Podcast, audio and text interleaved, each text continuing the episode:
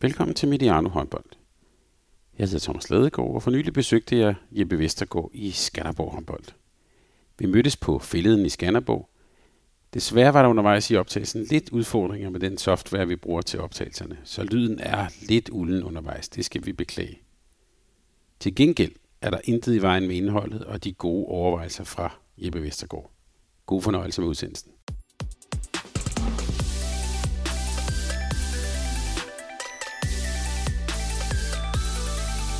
Denne udsendelse er produceret af Mediano Media og sponsoreret af Mediano Håndbolds hovedpartner, Sparkassen Kronjylland.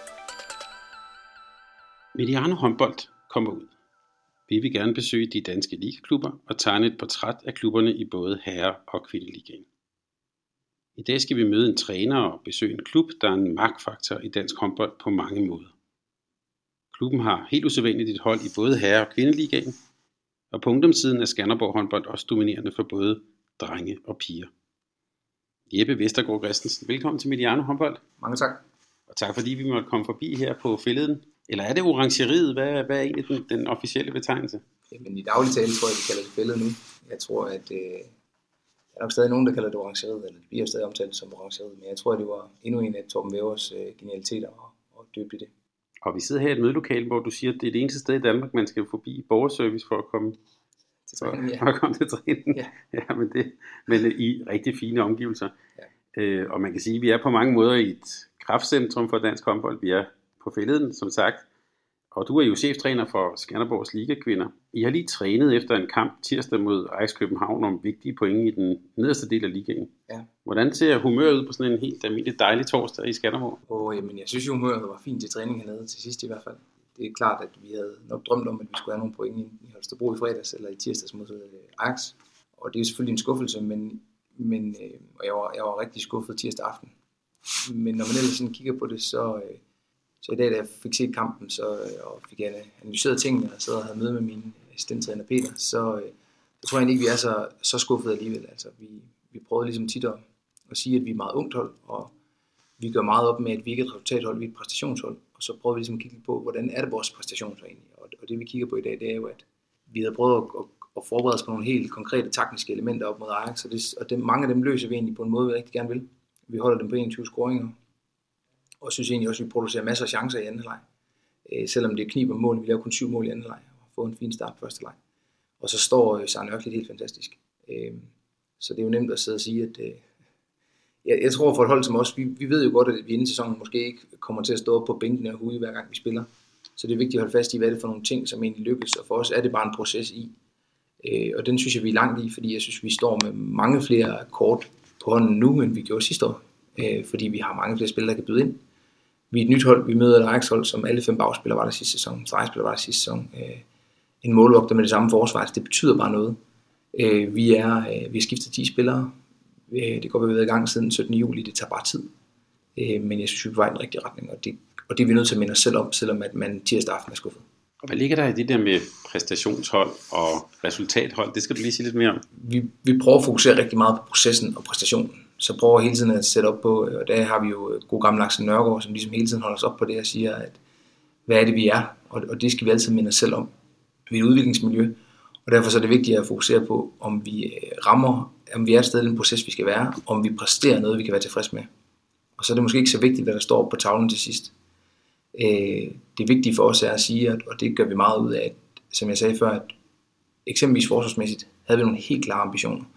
Og da vi ser bagefter på i forhold til nogle øh, taktiske elementer, så har vi lykkes med den præstation rigtig, rigtig langt hen ad vejen. Det er jo så ikke nok, øh, og det er jo altid marginalen håndboldkamp, men det vil det jo bare altid være. Øh, så, så det er det, der sådan er vigtigt for os, og det er også det, vi er nødt til at minde hinanden om. Er det en svær opgave, når du sidder og ser kampen, og så skal du så formidle det videre til, til dine spillere? Nogle gange tror jeg, det er en svær opgave, fordi man jo, øh, når man har været i håndbold så mange år, som man har, når man er nået til ligaen, øh, både for spillere og trænere, så øh, går man jo op i at vinde.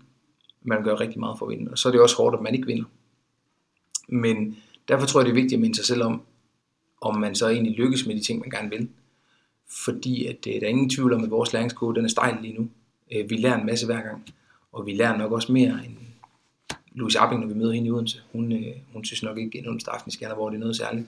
Men for satan, vi lærer af det, og det er det, vi er nødt til at minde os selv om, at når der står en verdensmester på den anden banehalvdel, så, så må man bare gøre alt det, man overhovedet kan. Jeg håber ikke, at det, øh, det bliver smerteligt, det jeg spørger om nu, men altså, hvordan har starten på ligaen været for jer, og med det smertelige, der vil jeg bare sige, at jeg har jo skrevet op her, Holstebro minus 1, Silkeborg minus 2, Odense minus 1, Esbjerg minus 3, Ajax minus 2. Det er jo nogle ekstremt tætte kampe. Hvordan, hvordan evaluerer I på det? Hvis vi igen snakker præstation, så, så er vi jo kede af, at vi ikke har flere point. Og jeg tror egentlig, det handler lidt om, at får vi først hul på at tage de der point, så tror jeg godt, der kan vente mange på os. Eller også så kommer det til at ligne en sæson som næste år, hvor det bliver sådan, ej, det var tæt på, ej, det var tæt på. Så det gør jo ondt, at vi ikke får dem, men jeg, som jeg siger, så tror jeg bare på, at vi er et lidt andet sted, og vi har flere spillere, der kan byde ind. Og hvis man ser vores, nu har du lige listet nogle kampe op, og man kan vende om og sige, at enten så er det ærgerligt, eller også så er vi rigtig stolte af at præstere med det her unge hold og nye hold på den måde, fordi vi i starten, da vi møder Aarhus, vi møder Aarhus en, en tirsdag, tror jeg, der taber vi med 13 eller 14. Så møder vi København om fredagen. Nej, vi møder Odense om fredagen, undskyld, så taber vi med altså en mere, jeg tror det var minus 15, og så møder vi øh, København om mandagen, hvor vi møder med minus 16. Og det var bare en start, hvor vi siger, hold da op, og er vi klar, og det gjorde ondt. Øhm, og, og det skulle vi bruge noget tid på, og, og har vi overhovedet berettelse til at være her, fordi det handler det om, når Ben Nygaard kører hans gamle kæpheste for 8. gang med, at vi skal kun være 12 hold, så handler det også om for sådan en lille bitte klub som også at sige, vi, vi, vi er berettet til at være her, vi har en plads, og, vi, og den plads, den beretter vi os til. Og det synes jeg, vi viser med de her kampe. Jeg synes, vi viser, at, at Esbjerg eksempelvis, vi har Esbjerg langt ned i sækken i en lang del af kampen. Så kommer Rikke Poulsen ind og to straffekast på dødsvigtige tidspunkter, men vi viser bare, prøv hvis I ikke er der, så tager vi de der point. Og viser, at vi matcher, og det er jo, apropos Esbjerg, at det er jo kun top, top, top spillere, der spiller, for det er det eneste, de har. Og så alligevel så matcher vi dem så langt hen. Så, så det gør rigtig ondt, men vi skal også minde os selv om lige bagefter, at det er vi stolte af, og hvad kan vi så tage med? Igen for at fokusere på, at vi har en masse unge spillere, som er i Skanderborg for at lære at blive bedre. Og hvad kan vi tage med det fra den kamp? Øh, så det er, jo, det er jo hele tiden øvelsen, selvom at man lige nu sidder ærgerlig over, at man måske kunne have haft fire eller fem eller sågar måske syv point ja, så, så tror jeg, det er det, man skal minde sig selv om. Er det en motivation for dig, når Bent Nygaard kører sin kæphest, som du siger? Er det motiverende? Øh, ja, det, det tror jeg faktisk, jeg nogle gange synes, det er. Altså, øh, jeg, jeg synes jo egentlig, at, at det produkt, man har i dameligaen, synes jeg egentlig, man langt hen ad vejen er, er noget værd. Nu, nu synes jeg faktisk, det er rigtig skamligt, at vi har de her to øh, på 14 og 15 mål, tror jeg, mod København og Aarhus i ligaen. Fordi ellers gik vi igennem en sæson sidste år uden noget, jeg vil overhovedet betegne som nøretæv. Øhm, og det synes jeg beviser, at vi har niveauet til at være her. Og så mener jeg, at det vil være den bedst mulige platform for at udvikle de danske talenter. Fordi dem giver vi jo chancen. Anna Virsberg sidste år er jo for mig et, et lysende eksempel på, hvorfor Skanderborg håndbold eksempelvis har en plads i ligaen. Anna var nok blevet øh, bagspiller nummer 7 i Aarhus United, eller også var hun endt i en første divisionsklub og havde blevet, var blevet matchet på et markant anderledes niveau. Her kommer hun til en ligaklub, og det er hende, det, det drejer sig om, og hun spiller jo øh, hele tiden så, øh, så hun kommer bare til at lære så meget sindssygt hurtigt. Og øh, Ben Nygaard roste jo selv til skyerne, da vi møder Horsens hjemme i, i februar, øh, da den er på tv. Og nu er Anna så klar til, at der er en fransk ligaklub, der har set hende, og hun drømmer om at komme til Sydfrankrig og spille, og, og tager det step, og jeg tror, hvis Anna fortsætter sådan en, man ser på det danske landshold inden for en, altså en overskuelig fremtid. Nu kommer der jo en god generation af unge playmaker her, men jeg tror virkelig, at Anna hun kommer ind der. Den vej tror jeg er kortere, fordi der er sådan en klub som os og Ajax. Og, og hvordan tager dine spillere det, det her med dels at tabe stort, og der er nogen, der siger, at der er for mange hold i ligaen og sådan noget. Er det også en motivation for dem? Jeg tror, jeg tror ikke, at de tager sig af, at der er nogen, der siger, at de er for mange hold i ligaen. Øh, det plan tror jeg ikke, de opererer på, men jeg tror, at det er en stor motivationsfaktor, og at vi, vi går meget ud af Skanderborg, at vi er et hold, der aldrig giver op. Vi er et hold, der altid kæmper, det er vi nødt til vi, vi ved, at vi måske ikke er lige så gode, så vi er nødt til at ville det meget mere end alle de andre. Hvis man ser tv-kampen fra den anden dag igen øh, mod Ajax, så er jeg også enormt stolt af, at man har mange sekvenser i, i første leg, hvor vi bare kaster os over alle bolde. Og det er jo sådan noget, det vi står for. Og, og det tror jeg, vi er nødt til for ikke at få de der nederlag. Så på den måde er det jo en enorm motivation at sige, det, det vil vi ikke, det er ikke det, vi står for. Det går, at vi ikke tager så mange point, og tager alle dem, vi gerne vil. Men alle, vi har mødt, skal skulle kunne mærke, at vi har været der, og skal kunne mærke, at, at det, det gør ondt i dag. Og man, kan, man, Skanderborg vinder man ikke bare over. Men er det springende punkt? Er det at vinde de der indbyrdes kampe i bunden? Ja, ja, det er det jo. Det er jo også den, den helt kølige kalkyle sidste år. Nu bliver vi jo egentlig reddet på et point ude på Falster, øh, kan man sige. Nu corona lukkede det hele. Vi, øh, vi tror jo selv på, at vi har taget Aalborg hjemme. Det finder vi desværre aldrig ud af. Øh, men øh, så skal man også minde sig selv om, at øh, Horsens overlevede jo også på at tage to point mod Esbjerg. Så jeg tror, det handler rigtig meget om, at man skal holde sin sti ren i bunden. Øh, og det er, det er det, der er vigtigt for os. Øh, og derfor så er jeg også enormt glad for, at vi har to point, og vi kom derfra med en, en god margin, der bliver i vendsyssel. Og det tror jeg, det handler om igen. Jeg tror, det kommer til at handle om, at der selvfølgelig kommer en kamp mod vendsyssel, men jeg drømmer om, at vi får nogle point nogle andre steder, der gør, at den kamp ikke er så vigtig. Altså, selvfølgelig er den vigtig, det kan jeg aldrig tale den til, den ikke er, men forhåbentlig tale den til, at den ikke er så liv eller død. Det er forhåbentlig bare en ganske almindelig håndboldkamp, hvor vi igen skal ind og fokusere på, at vi leverer et godt stykke arbejde, så får vi øh, forhåbentlig to point. Er det motiverende at skulle sådan kæmpe lidt med ryggen mod muren? Øh, ja, det synes jeg faktisk er enormt motiverende. Også for sådan hele projektet, altså i det her Skanderborg. Det er et fantastisk miljø, og øh, der er nogle fantastiske mennesker, der gør et kæmpe stykke arbejde, og dem skylder man, øh, dem synes jeg, man skylder at gøre sit dybeste hver dag. Og jeg håber virkelig, at der er et liga-miljø i Skanderborg i mange år. Og derfor så handler det jo om sådan hele tiden at få røven med sig, som vi kalder det lidt. Altså, vi skal bare væk fra den der sidste plads, så, så, så, så klarer vi det. Og kan vi så hver år lægge et lille lag på, øh, så, øh, så tror jeg det er godt. Og derfor så er det da enormt motiverende. Det er også enormt motiverende, fordi man, ikke vil, man vil jo ikke, selvom man taber mange kampe, vil man jo ikke tabe, og man vil ikke rykke ned. Øh, så det er da en drivkraft hver eneste dag, at vi skal finde alle de procenter, vi kan. I den der tv-transmission med Ajax-kampen, der var, blev der talt en del om det her med at fokus på at skulle vinde og ikke være øh, øh, bange for at tabe og sådan noget. Det lød som, at det lød som sådan lidt en pep-talk fra et omklædningsrum, eller, eller hvad? Er det noget, I har talt meget om? Ja, vi taler meget om det, også i forhold til det her med sådan eksempelvis øh, præstationen, og der, der er Axel Nørgaard jo igen øh, en god vinder her. Men vi snakker meget om det her med, at det skal jo helst ikke blive, at vi til sidst i en kamp står og kæmper med angsten for, for nederlaget. Det skal gerne være, at det er viljen til sejr for os. Altså, hvis vi, vi er jo en lille bitte, bitte klub øh, med et lille bitte budget. Vi har stort set aldrig noget at tabe, udover egen værdighed, plejer vi at sige. Øh, så på den måde, så er det jo sådan lidt, det er jo sådan lidt en, man kan kalde en pep talk, men det er også lidt mantra for os, at der er aldrig nogen kampe, vi skal vinde. Vi kan vinde, men vi skal ikke. Øh, og og det, det skal vi holde fast i. Jeg øh, har været så heldig at træne sammen med Røen Tingnes i mange år, der var i, i Østrig en overgang øh, ved Gunnar Brokoff, og Gunnar Brokoff sagde, at det eneste man skulle, det var, at man skulle dø. Man skulle ikke andet. Øh, og, og det, det tror jeg tit, jeg minder mig selv om, at, øh, at det handler om, at, at øh, vi skal ikke noget, men vi kan jeg sad sådan og tænkte på, da jeg så også tv-transmissionen og sådan den der snak, så kom jeg til at tænke på, hjælper det overhovedet at snakke om det? Altså gør man det bare større, hvis jo mere man taler om det, desto mere fylder det? Øh, jeg, jeg tror faktisk, det hjælper at snakke om det. Det, det, er, det, det er jeg overbevist om. Jeg tror, det handler om at prøve at bevidstgøre, at øh, vi snakker sådan meget om koncentrationscirklen, snakker vi om.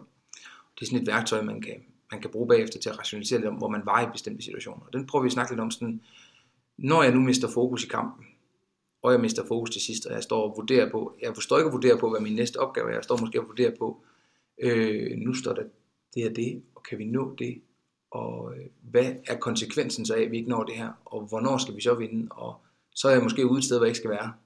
Så skal jeg måske lige huske mig selv på, at hvad, okay, næste gang Stine Nørklid kommer ind i midten, så skal jeg måske gå på 8 meter, fordi så har jeg bedre chance for at få hjælp på min duel.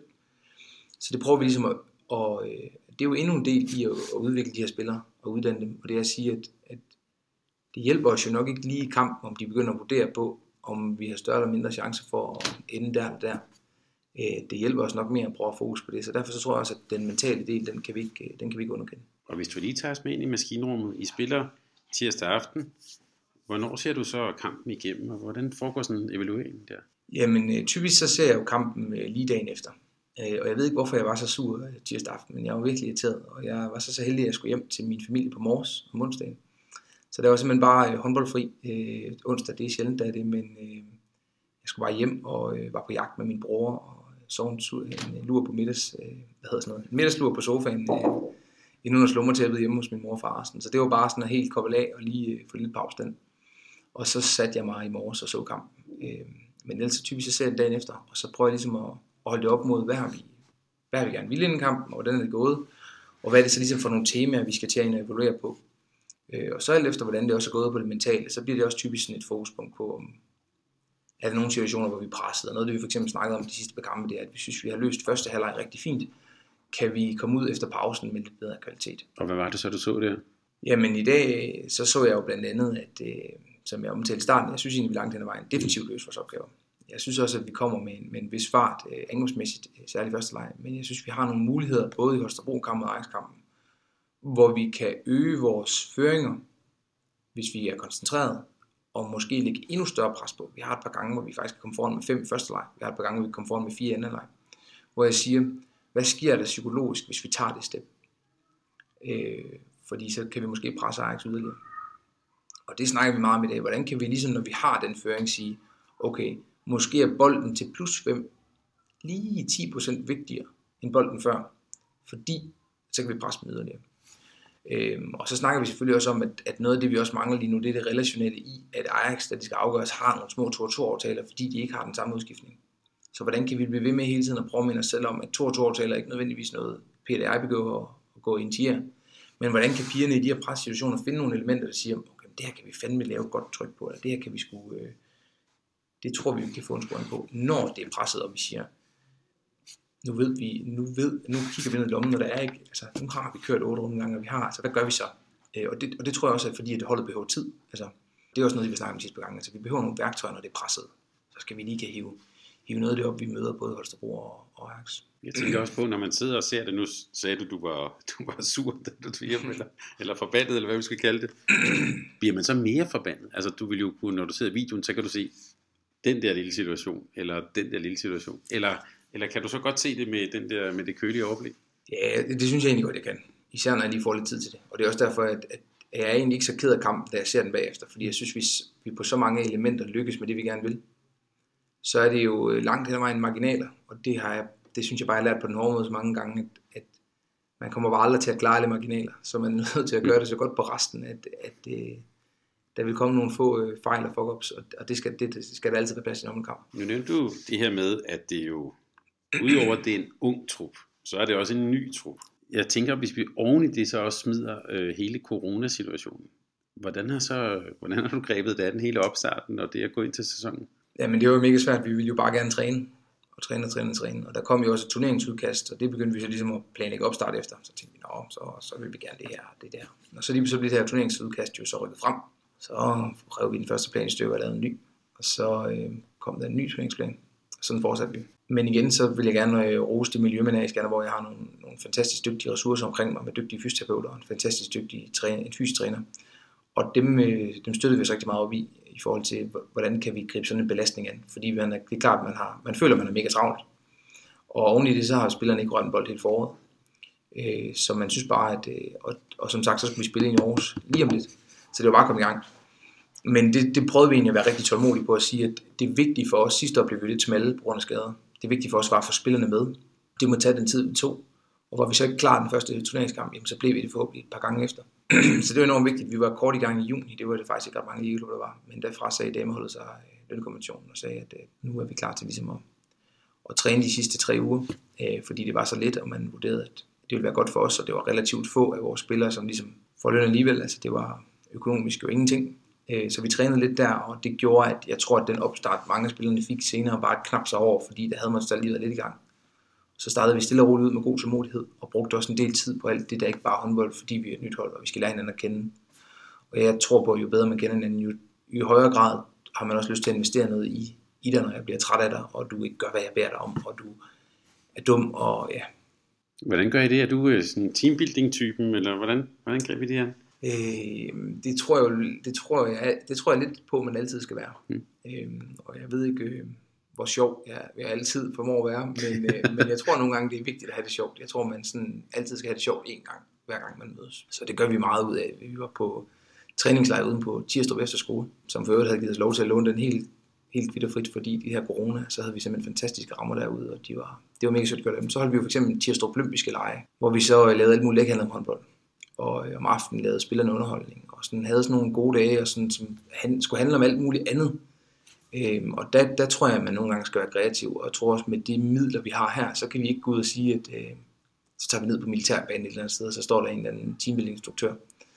Så peger pilen lidt på os selv, og så skal vi jo sådan grave dybt i, hvad kan vi finde ud af. Og, sådan. og det her med, der vil være nogle af dine kolleger i ligaen, og sådan, som jo taler om sådan nogle ord som hierarkier og øh, klare rollefordelinger og sådan noget. Hvordan ordner man det, når det er jo et relativt, øh, du har kort tid, og du kender dem ikke så godt, og de kender ikke hinanden. Hvordan pågår man det? Jamen, det her med hierarkiet, det, det tror jeg på øh, dannes lidt naturligt.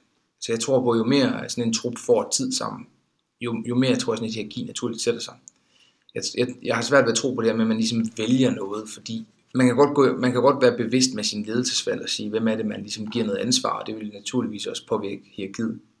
Men ellers så tror jeg sådan i omklædningsrummet, så vil hierarki nogle gange lidt typisk, altså det vil være naturligt sætte sig selv, for det er jo bare nogen, der falder bedre ind i den andre. Men så tror jeg, det er vigtigt, som det er et ungt og det er et nyt hold, og så tror jeg, man, man skal være klar på sine roller.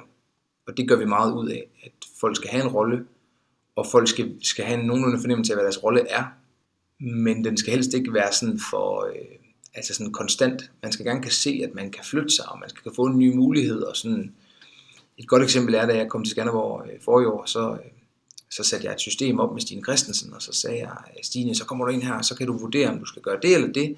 Og så stod der øh, tre af de gamle, der spillede med Stine tidligere, og så skreg de bare pænt. Ah, ah, ah, Stine K. vurderer. Og, og det tror jeg så nogle gange, man skal turde gøre med det her. Jeg tænkte, Stine K., da jeg kom, var måske 21. Jeg ville håbe, at hun ikke bare skulle være i den boks for evigt. Øh, og jeg synes jo, Stine hun har flyttet sig helt enormt. Altså den anden dag, så, øh, så spillede hun også 7 mod 6. Det var sådan et mål for sin kål. Hun skulle prøve at have et angreb i 7 mod 6 i den her sæson, tror hun drømte om. Og nu, nu gør hun det pludselig også, og lige den overtal og sådan noget. Jeg tror sådan, at man skal kan vise, at den der rolle, den er, den er altid til forhandling, hvis du gør det godt. Og du skal også have en vis ro i den, så jeg tager den ikke bare fra dig. Så en ting er, at vi giver dem roller, men det vi også prøver at gøre sådan meget klart, det er at sige, når man er venstrefløj, så er det de og de og de opgaver. Og så er det måske ikke altid så vigtigt, om du er nummer et og du er nummer to. Men du skulle gerne have en klar fornemmelse af, hvad er det, der så skal, når jeg kommer ind. Og hvis vi nu nævner sammenligningen med, med Odense, Loris Abing spiller øh, VM-finaler og scorer mange mål i en VM-slutrunde.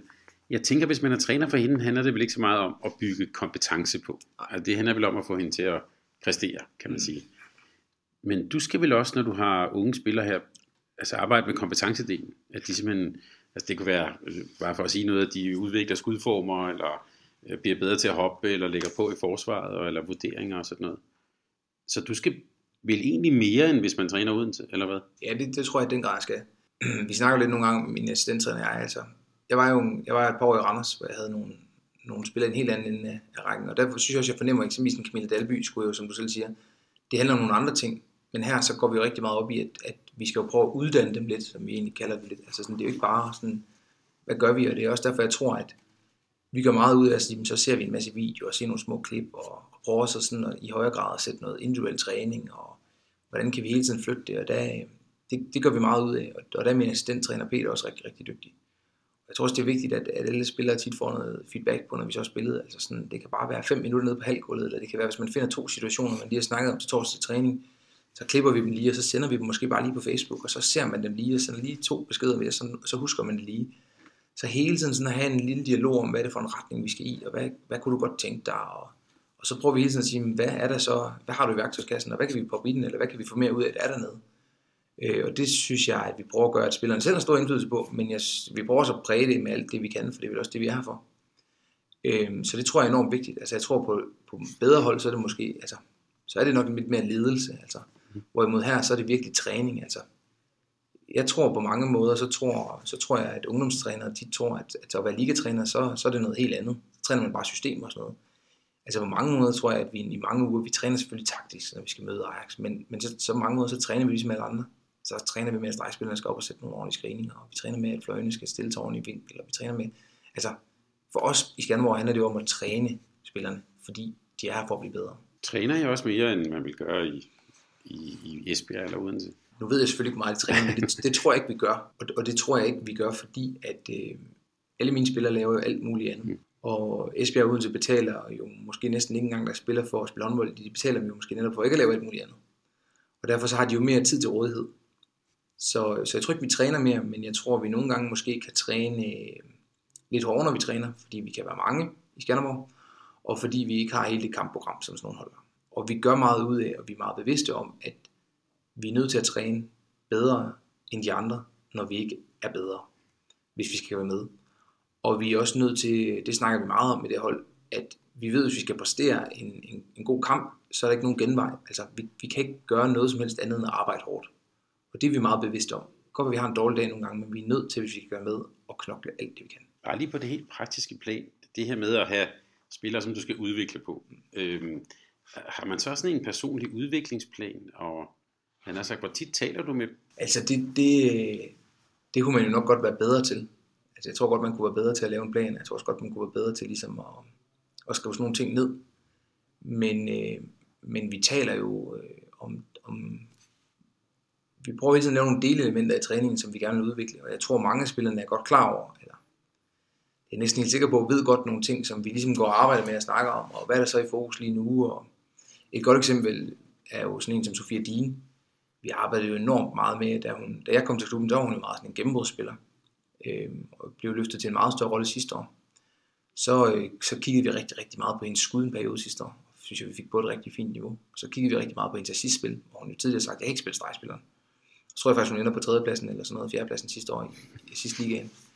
Øh, og, øh, og nu kigger vi så lidt på hendes gennembrud igen, fordi at, øh, nu, nu, nu har hun jo haft så travlt med så meget alt muligt andet, så nu begynder vi at kigge lidt på timing igen. Så jeg tænker sådan et godt eksempel på, hvordan vi sådan hele tiden prøver at udvikle så komplette spillere som muligt. Og, og, og det med alderen, det er jo en ung trup. Ja. Øhm, hvordan er det at træne så unge spillere? Jamen det er jo både enormt spændende, og nogle gange så er det også frustrerende. Fordi at øh, de her piger gør jo altid alt det, de overhovedet kan. Og nogle gange så, øh, så føler man, at øh, man lige har forsøgt at forklare noget, og så har man sagt til venstre, og så går de til højre.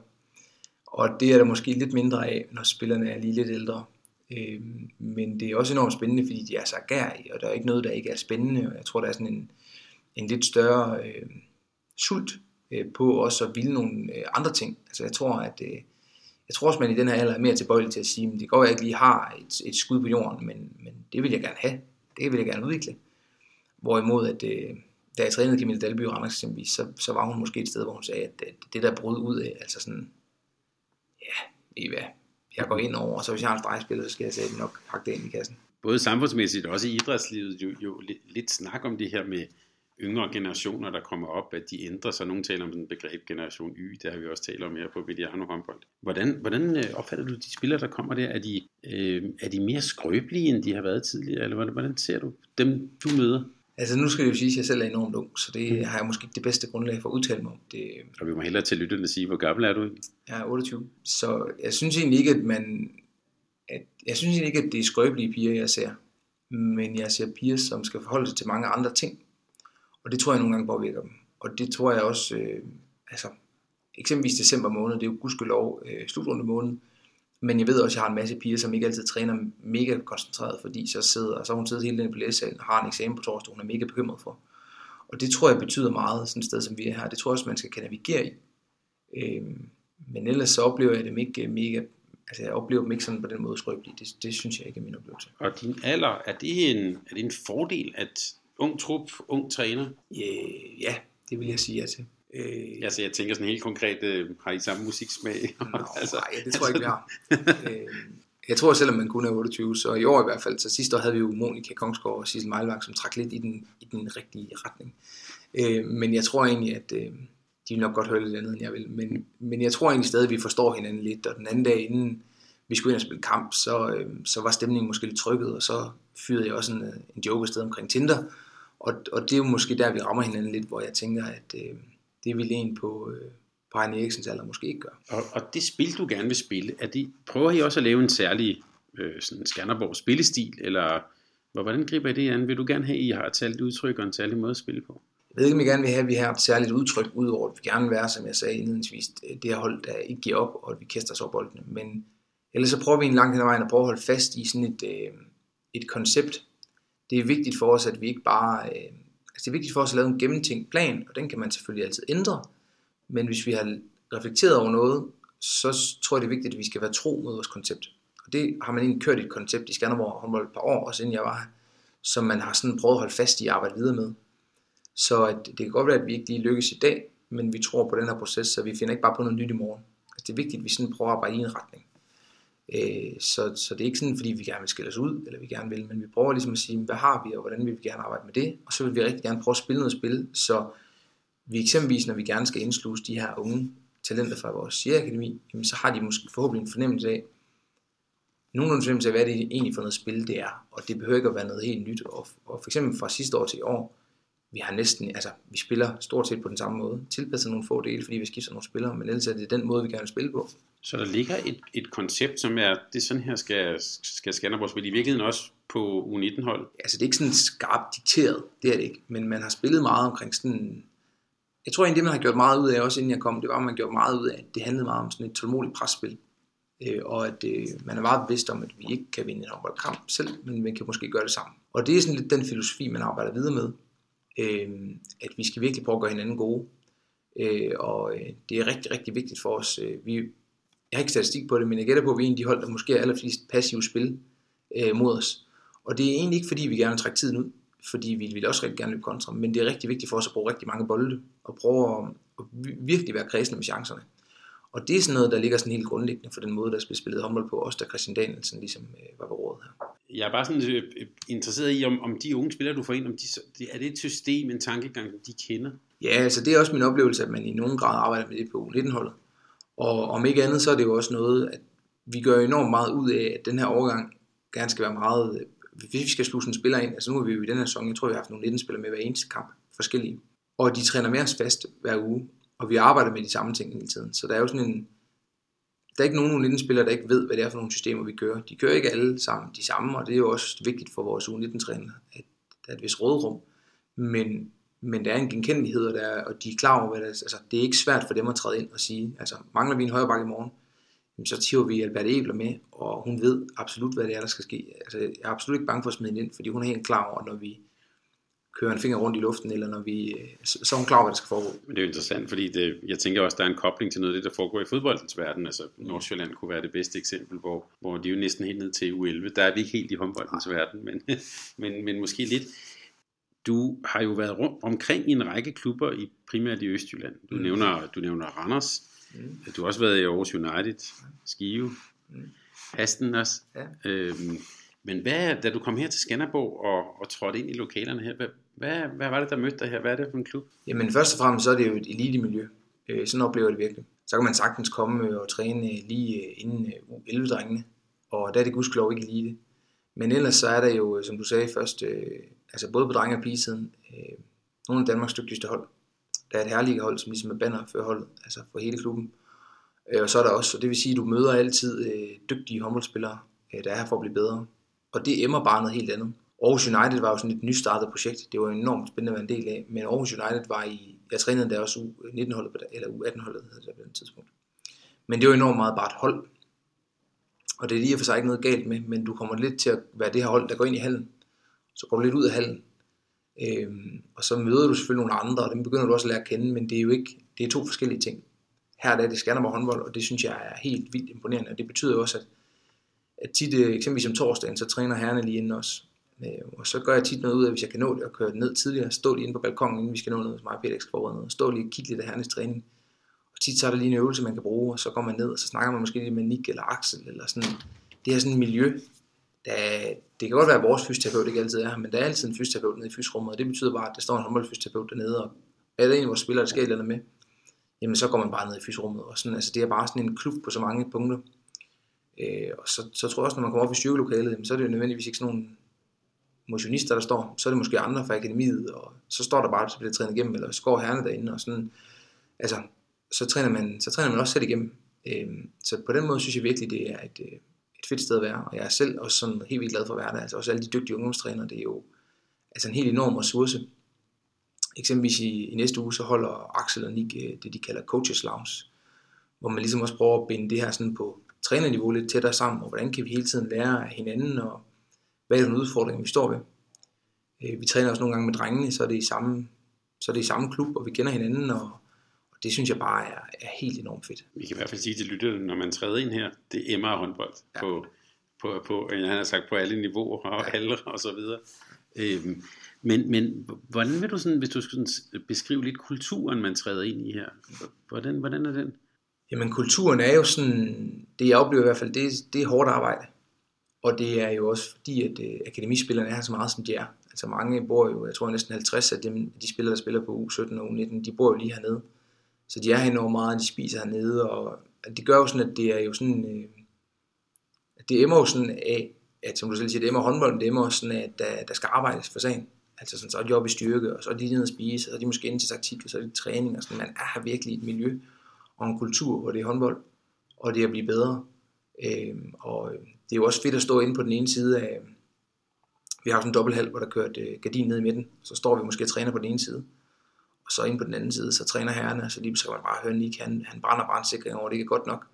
Og det er jo sådan også øh, på en eller anden måde, sådan det emmer af, at der bliver stillet krav, og sådan, altså det er jo, øh, det synes jeg, Henrik Lyngby har jo været med til ligesom at, at køre det her øh, damehold frem, øh, og ligesom gøre det, da man ligesom så på Shea, at det der skulle til at udvikle Shea endnu mere, det var, at man også virkelig prioriterede damerne. Så har han jo ligesom virkelig kørt det frem, og jeg fornemmer også den der, sådan, han har jo ikke en, en fortid som, som håndboldmand, han er, han er jo egentlig badmintonlandstræner, har han været tidligere, men sådan den der meget elitære tilgang til, at det kan godt at vi ikke har råd til at lave det bedste hold.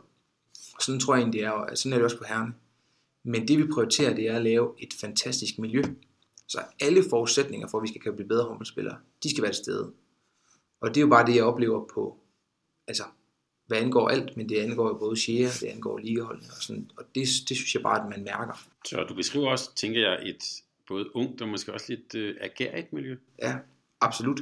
Det man ligesom ser, det er jo, at U19-pigerne hos os, altså andre klubber er også rigtig dygtige til det, men, men U19-pigerne også ved jo godt, at hvis de, laver, hvis de gør det godt, så er, de, så er de jo øh, næsten først i køen til at få en plads på næste års hold. Og det gør jo, at man, øh, altså, så tror jeg sgu på, at man, man kan se vejen, den er ikke så lang, hvis jeg gør det godt. Og så, så tror jeg bare på, at man knokler endnu mere. Og jeg synes jo, man kan se det samme med herrene, det er noget, man skal også fortjent til. Men i år så indlemmer de jo også en del øh, unge talenter fra akademiet. Og det er jo igen sådan, jeg tror på, at man, man skaber noget gærighed, når man kan se, at okay, hvis, altså okay, nu kommer Harkon op på, på herholdet. Hvis jeg arbejder mega hårdt, så kan det fandme være det mig om tre år. Og det tror jeg på, at spillerne de bemærker. Så vi taler jo meget både i håndbold og fodbold om det her begreb transition. Altså, mm. jeg kan også bare sige det på en anden måde at gå fra ungdomshåndbold til, til, til seniorhåndbold. Er, er vejen kortere her i Skanderborg? Øh, ja, det tror jeg faktisk, den er. Øh, dels har det selvfølgelig noget med økonomi og niveau at gøre. Det kan vi ikke komme udenom. Men jeg tror også, den er kortere sådan for spillerne selv, fordi at et godt eksempel er jo, at nu træner vi fast sammen med U19 en gang om ugen med hele holdet, og så resten af ugens øh, træninger, der har vi altid øh, mellem 1 og 4 eller 5 eller 6 med. Og det vil sige, at øh, når nogle af dem skal op på ligeholdet måske næste år, jamen så har de trænet fast med ligadamerne måske i to eller tre år. En eller to gange i ugen. De ved, hvem alle spillerne er. De kender trænerne. De kender fysioterapeuterne. De, altså sådan, de har måske været med i nogle kampe. Altså allerede nu har vi jo haft en del af U19-spillerne med. Så tror jeg, at det bliver meget, meget nemmere at komme op på holdet her. Øh, jeg, jeg, jeg tror måske, at Aarhus United er meget længere på det nu. Det, det har ikke noget at sige, altså det ved jeg intet om, men da jeg selv var derinde, der var det lidt to øh, separate hold. Der kendte, der kendte spillerne ikke hinanden i samme grad. Og jeg tænker, at et step ind på et hold der, tror jeg kan være hårdere end et sted som her. Fordi at det er så sammentømret, og vi ser hinanden så meget, og man kender hinanden, og sådan en dag, så var der en, der havde fødselsdag, øh, og så var der en kage, og så sad alle, så tror jeg, vi havde 6 ugen mere, så sad vi alle sammen, så sad alle pigerne bagefter i en rundkreds og spiste kage, og så sidder man jo og lærer hinanden at kende, og så er det måske ikke så farligt at komme alene til ringen nogle gange, fordi man kender alle pigerne, og man har været med sidste år. Vi kan godt sige, at det er ikke penge, medaljer og berømmelse, der driver det her, det har du selv været inde på. At det, jeg kan vel så sige, der er jo så lige det lille dilemma i det, at på ungdomstiden er, I, er det jo det er jo et kraftcentrum her, så, så, så det vi taler om er, kan man sige, det øverste niveau på, på seniorplanen, måske særligt på, på kvindesiden. Ja. Men hvis det ikke er det, hvad er det så, der driver værket? Jamen altså, jeg, jeg tror da, at det, der driver værket, det er da at, at blive, øh, altså på, på ungdomshåndbolden, så tror jeg, det er at blive øh, dygtige, og nogen tror jeg også, der drømmer om at blive landsholdsspillere, eller i hvert fald etableret ligaprofiler. Men jeg tror da også om, når man er så dygtig ungdomshold, og det, skal jo, det er jo en lang diskussion, den, den skal vi ikke gå ind i, så, så tror jeg da også om, for mange dem, det handler det også om at vinde Øh, og det tror jeg da også, de oplever her i Skanderborg. Altså, det har været gode hold, og jeg tror sådan, at jeg ved, at der har været en enorm stor søgning på Shea igen til næste år. Og det er man jo enormt glad for. Det sådan bekræfter jo produktet.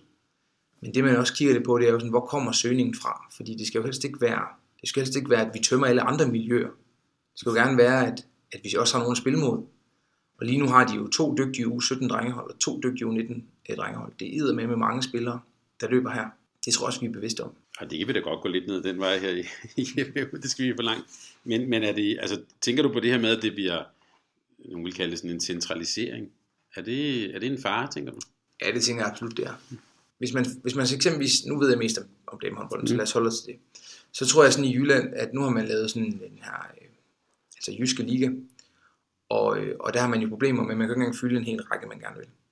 Og, og jeg tror også, at nogle af de her kampe, jeg kan sådan høre på vores U19-træner, at han sådan sætter kryds om nogle, få kampe. Nu har vi også et rigtig dygtigt U19-hold. Men jeg tror, hvis man får en for stor centralisering, så bliver der for, for lidt matchning i U19-rækken. Og, og hvis vi lige skal tage U19-rækken, så tror jeg jo lige om, at det selvfølgelig også handler om, at den lige finder sin egen ben at stå på.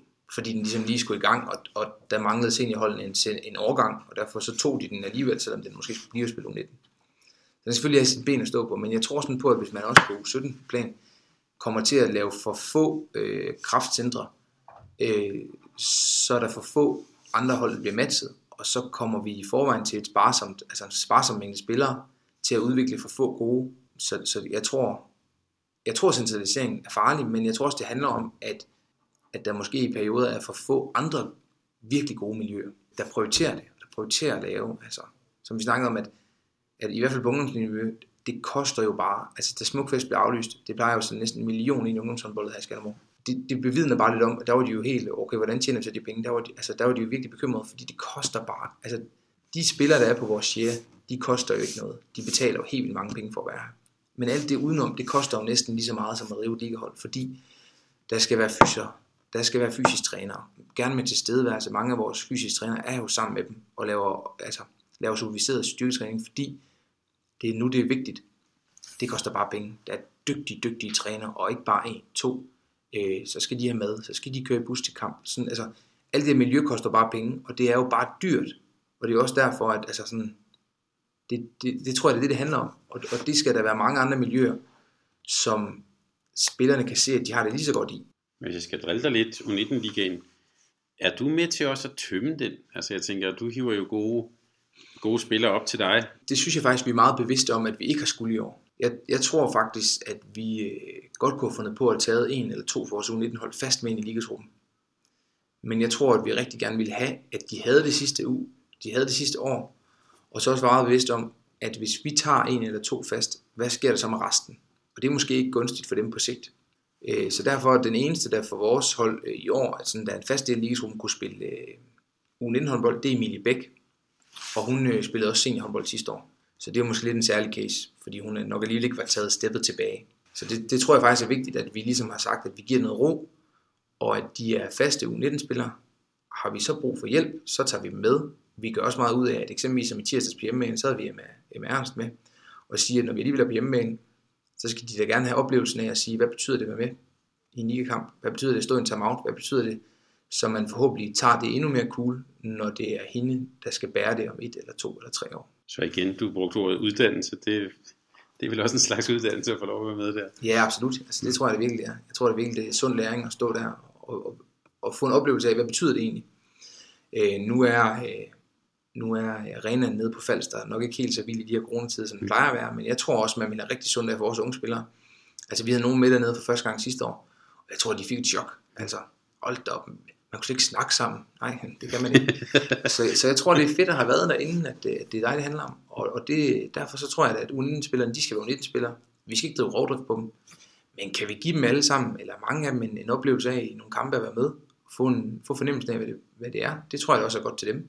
Og de er jo, øh, det tror jeg også er meget sigende for miljøet, meget ydmyge.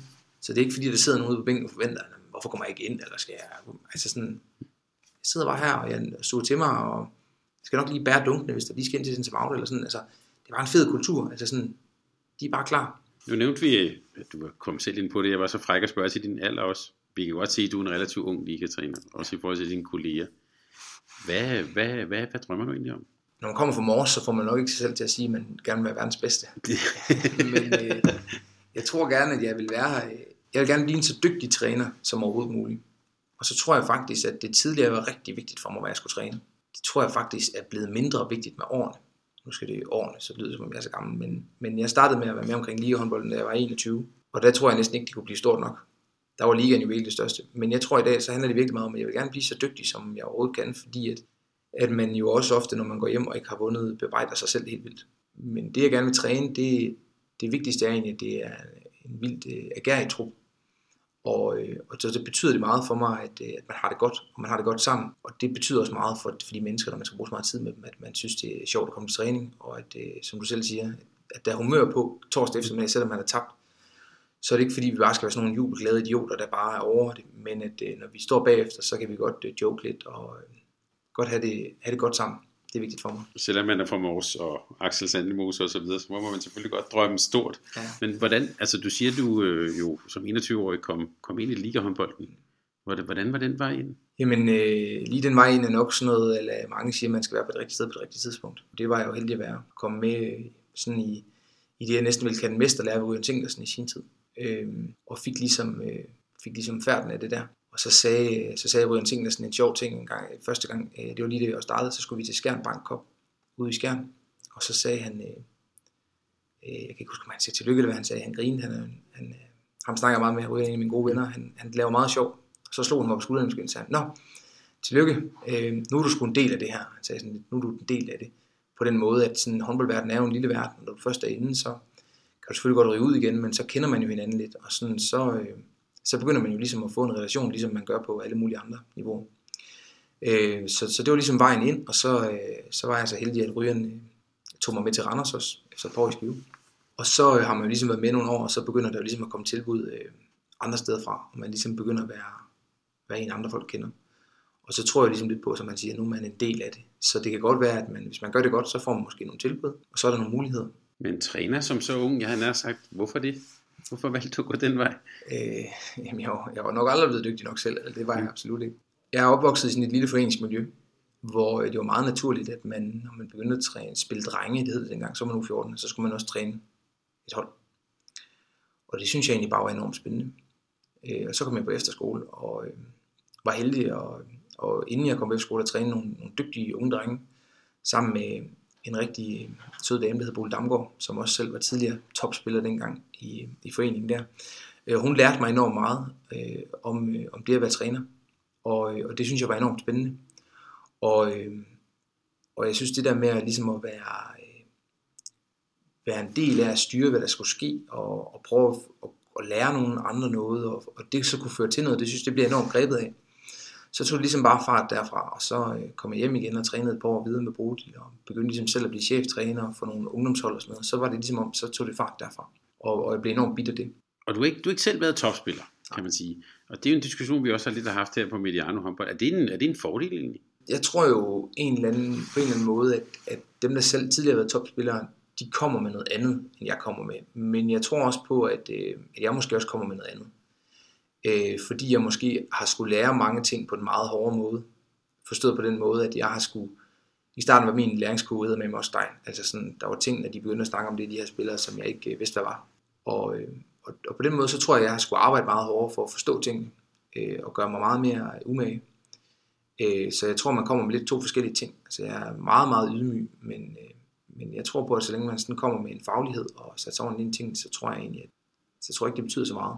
Nu nævnte du, øh, at Ryan Singlersen, jeg gætter, jeg gætter på, at han også er lidt mentor måske stadigvæk. Hvis, og, og det her med at komme ind i sådan øh, i, i den der klub, der er træner, hvordan oplever du egentlig dametræner, kvindetræner miljøet i Danmark? Jamen, jeg oplever det faktisk øh, rigtig, rigtig godt. Altså sådan, jeg synes, det er en fornøjelse at komme rundt, øh, og at øh, folk er øh, altså rigtig, jeg ved ikke om venlige er et godt ord, men, men det er jo egentlig sådan, at, at jeg føler egentlig, at alle kommer rundt og er meget sådan ydmyge og, og anerkendende, og man kan altid få en god snak, og er egentlig altid klar til at komme med nogle vinkler og perspektiver, og det synes jeg egentlig er meget fedt, at man kan være gode kollegaer.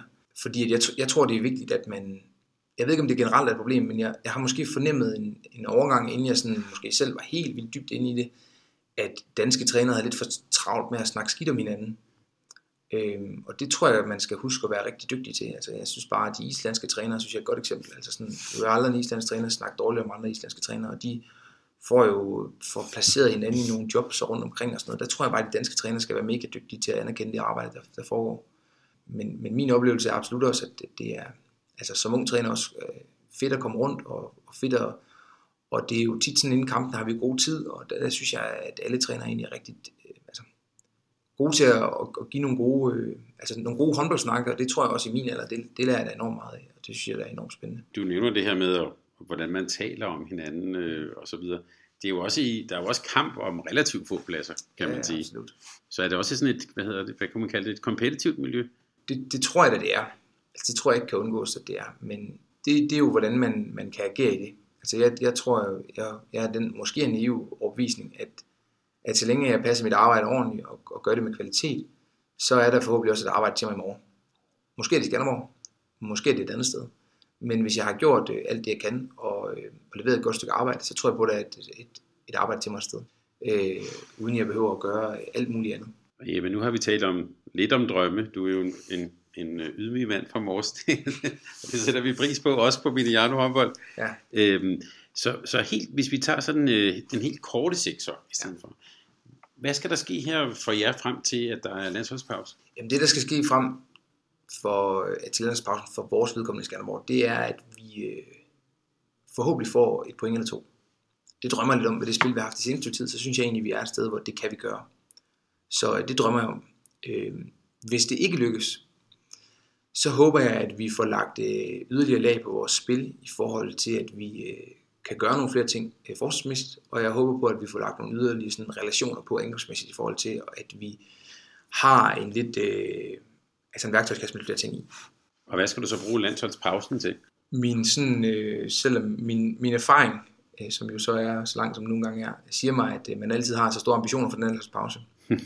og når den så går i gang, så smadrer fysioterapeuten det hele. øh, så øh, det, det vi skal bruge, det er, at vi skal være sikre på, at vi får folk fysisk øh, godt med igen. Altså når man først spiller, selvom vi spiller jo ikke i nærheden af de kampe, Esbjerg til spiller. Men folk hænger jo altid lidt i bremsen, og så er der en fod, og så er der en et eller andet. Så øh, vi skal få folk fysisk godt med, og, og, og de her unge spillere skal, skal være klar til at, at være klar til et hårdt forår. Og så skal vi, øh, så skal vi holde lige lidt fri, og så skal vi træne helt vildt hårdt, så vi er klar øh, så starten øh, på halvdel 2 ikke bliver så, øh, så hård for os, som starten på halvdel 1 var. Jeppe, jeg vil ønske dig alt muligt held og lykke, både på den korte bane og også på den lange bane. Tak fordi vi måtte komme forbi. Mange tak, det var så lidt. Tak fordi du lyttede til en podcast af Mediano Håndbold.